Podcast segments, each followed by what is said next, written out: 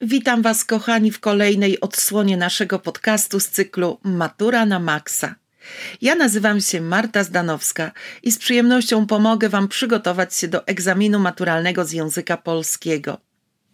Jestem nauczycielem i egzaminatorem maturalnym.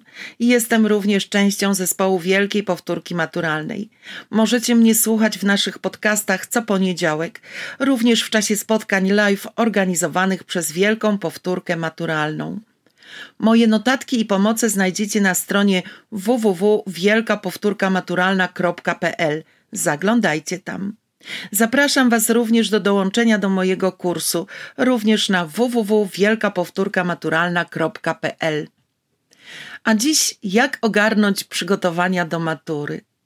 Nowy rok, nowy ty. Wchodzimy w ten nowy rok i jest to doskonała okazja, by takie przygotowania rozpocząć. Podam Ci dzisiaj sposoby, które pomogą w tych przygotowaniach, ale najpierw intro. To jest Matura na Maxa. Podcast z języka polskiego dla maturzystów. Prowadzi egzaminator Marta Zdanowska. Notatki z bieżącego odcinka znajdziesz na www.wielkapowtórkamaturalna.pl.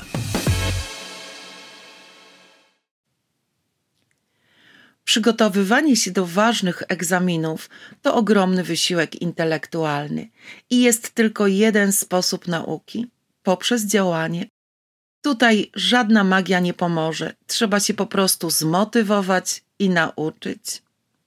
Jak najlepiej powtórzyć materiał przed maturą? Najlepsze są sprawdzone recepty. To, co działało dotychczas, będzie i teraz działało, tylko wymaga więcej samozaparcia, odpowiedzialności i konsekwencji. Ale nie wszystko naraz. Co za dużo, to niezdrowo.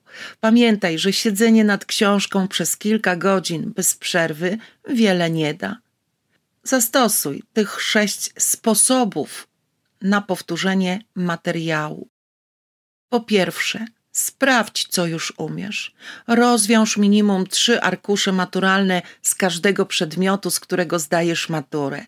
Na ich podstawie wypisz wszystkie zagadnienia, tematy, które sprawiają ci trudność. Po drugie, opracuj harmonogram. Zaplanuj na kolejne dni konkretne tematy, które będziesz powtarzać. Nawet jeśli wydaje ci się, że jakiegoś zagadnienia nie będzie na maturze, nie lekceważ go, żeby nie spotkała cię potem niemiła niespodzianka. Po trzecie, konsekwentnie realizuj swój plan. Czyli czytaj, powtarzaj materiał i rozwiązuj zadania codziennie. Codziennie przeglądaj notatki chociaż przez chwilę. Po czwarte, zapisuj konkrety. Po wykonaniu zadania powtórzeniu konkretnych treści, wykreśl je ze swojej listy. Dzięki temu łatwiej będzie ci zweryfikować, co już wykonałeś, a co jeszcze ci zostało. Po piąte, koncentruj się. Przyswajasz wiedzę nie wtedy, gdy siedzisz nad książką, ale gdy czytasz ją z pełną uwagą. Nie wystarczy więc cały wieczór siedzieć nad zadaniami. Czasami lepiej uczyć się krócej, ale z pełną koncentracją. I po szóste, rób sobie przerwy. Długie uczenie się jest nieefektywne.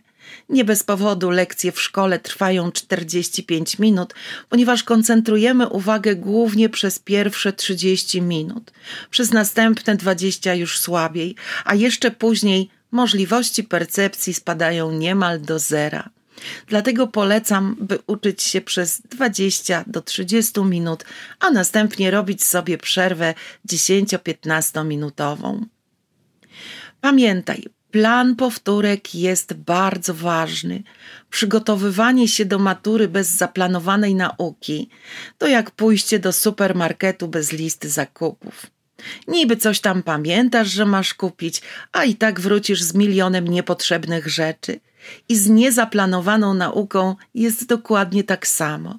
Ucząc się od przypadku do przypadku, trochę tego, trochę tamtego, na koniec okazuje się, że Twoja wiedza owszem została poszerzona, ale o informacje, które średnio wykorzystasz na maturze. Dlatego poświęć czas na stworzenie sensownego planu nauki do matury, który pomoże Ci w dobrym przygotowaniu do egzaminu. Możesz też skorzystać z propozycji naszego planu. Zatem siedem kroków do sukcesu maturalnego. Krok pierwszy i absolutnie najważniejszy. Powtórz lektury. Tematy na maturze odnoszą się do konkretnego tekstu albo tekstów, dlatego prześleć materiał omawiany na lekcjach w szkole i przypomnij sobie wszystkie obowiązkowe lektury. Trzeba umieć połączyć każdą z nich z epoką, w której powstała, zauważyć główne problemy i umieć je odpowiednio zinterpretować. Jeśli chodzi o poezję, nie ograniczaj się do powtórzenia wierszy omawianych w szkole. Raczej skup się na charakterystycznych cechach twórczości poetów. Zapisane na liście lektur wyrażenie wybór wierszy oznacza, że możesz trafić na nieznany ci utwór. Zwróć uwagę na istotne fragmenty powtarzanych utworów, rozstrzygające sceny, jakieś wyraziste zakończenia, ważne monologi bohaterów i tym podobne. Zastanów się, jakie motywy literackie pojawiają się w lekturach, jak są w nich rozwijane, jakie argumenty mógłbyś wymienić w związku z danym motywem. Powtórz terminologię teoretyczno-literacką na poziomie rozszerzonym jej znajomość jest obowiązkowa, ale niektóre elementy wymagane są także na poziomie podstawowym. Co dzieje się, gdy nie znasz lektury, którą powinieneś analizować? Po pierwsze, popełniasz błędy rzeczowe. Po drugie, powierzchowna znajomość tekstów to również błędy interpretacyjne i zbyt duża skłonność do streszczania, e, to również nieumiejętność formułowania wniosków. Doświadczenia z dotychczasowych egzaminów pokazują, że jednak nie wystarczy w ostatniej chwili przeczytać tylko opracowania. Krok drugi: powtórz epoki literackie. Wypisz sobie kolejno epoki literackie. Musisz pamiętać, która była pierwsza, która ostatnia, ramy czasowe tych epok, przedstawicieli danej epoki, filozofię, główne założenia. Dopisz do nich utwory, z którymi zetknąłeś się w szkole przez kilka lat nauki, które najlepiej znasz, rozumiesz. Zapisz konkretne tytuły tych tekstów, jaki problem poruszają, którzy bohaterowie w nich występują itd. Tak Krok trzeci. Poszerz konteksty. Pamiętaj, że odwołanie do kontekstów jest obowiązkowe. Odwołanie do odpowiednich kontekstów pozwala pogłębić interpretację i sprawia, że Twoja praca jest ciekawsza. Dlatego, powtarzając podstawowe informacje o każdej epoce, zwróć uwagę zwłaszcza na konteksty filozoficzne i tło historyczne. Bardzo dobry pomysł to przypomnienie sobie podstawowych informacji o wymienionych na liście lektur autorach. Przemyśl, co samodzielnie poza lekturami przeczytałeś, jakie filmy obejrzałeś. Wypisz sobie te teksty i zastanów się, jakie motywy kulturowe obecne są w tych tekstach, jak są w nich rozwijane. Przygotuj sobie po prostu taką bazę motywów. Do każdego motywu po trzy, cztery teksty. Do tak przygotowanych motywów dopisz dodatkowe teksty kultury. Mogą być one różne. Tu nie chodzi tylko o lektury. Może być film, spektakl, może instalacja przestrzenna, plakat. Szukaj związków między tekstami. Najłatwiejsze do wykorzystania są konteksty literackie, bo one polegają na przywołaniu dzieł o podobnej tematyce. Pamiętaj przy tym, żeby nie ograniczyć się do przywołania tylko tytułów i nazwisk twórców. Konieczne jest powiązanie tych przykładów z omawianym zagadnieniem. I pamiętaj, by robić sobie notatki, gdy któreś z dzieł uznasz za szczególnie interesujące, a przy tym uniwersalne. Krok czwarty: powtórz zasady. Na przykład zasady ortografii i interpunkcji, ale nie tylko. Przyda Ci się przypomnienie podstawowych zasad kompozycyjnych, czyli tego, że praca powinna mieć kompozycję trójdzielną i funkcjonalną wobec tematu. Czyli wstęp ma w ten temat wprowadzać, zakończenie ma ten temat podsumować. W rozwinięciu powinny pojawić się argumenty. Pamiętaj, że praca czy wypowiedź powinna być spójna. Trzeba pamiętać w przypadku wypracowania również o odpowiednim układzie graficznym, czyli o akapitach. Przejrzyj więc jeszcze raz swoje wypracowania. Zwróć uwagę, jakie błędy robisz najczęściej. W przypadku usterek ortograficznych przydatne będzie wypisanie kłopotliwych wyrazów na oddzielnej kartce, ale oczywiście już poprawnie zapisanych i czytanie jej od czasu do czasu. Czytaj też dobre prace, zwłaszcza z kompozycją i stylem wysoko ocenionym. Zastanów się, czego brakuje w Twoich pracach. Zwracaj uwagę na słownictwo, ćwicz wyszukiwanie synonimów, wyrażanie tego samego za pomocą różnych słów. I zwracaj uwagę na to, co czytasz, niekoniecznie dlatego, że dany tekst mógłby pojawić się na maturze.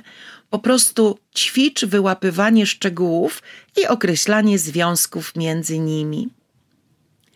Krok piąty.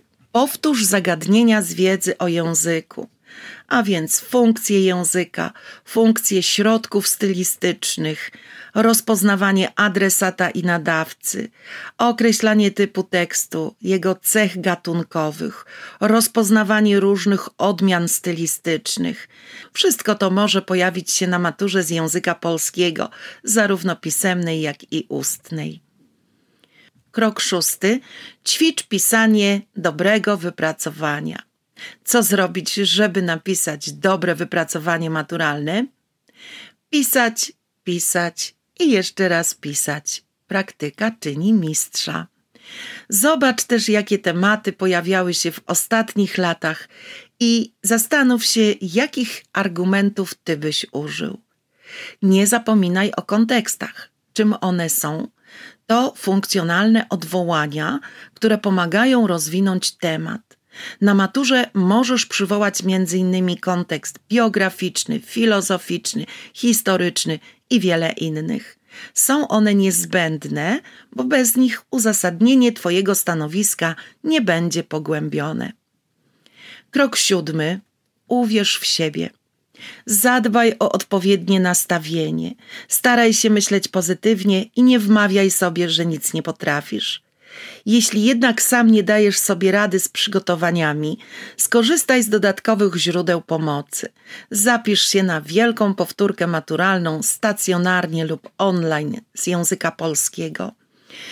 Dołącz do nas na Instagramie oraz na TikToku lub zapisz się na jedno z naszych darmowych spotkań live na Facebooku.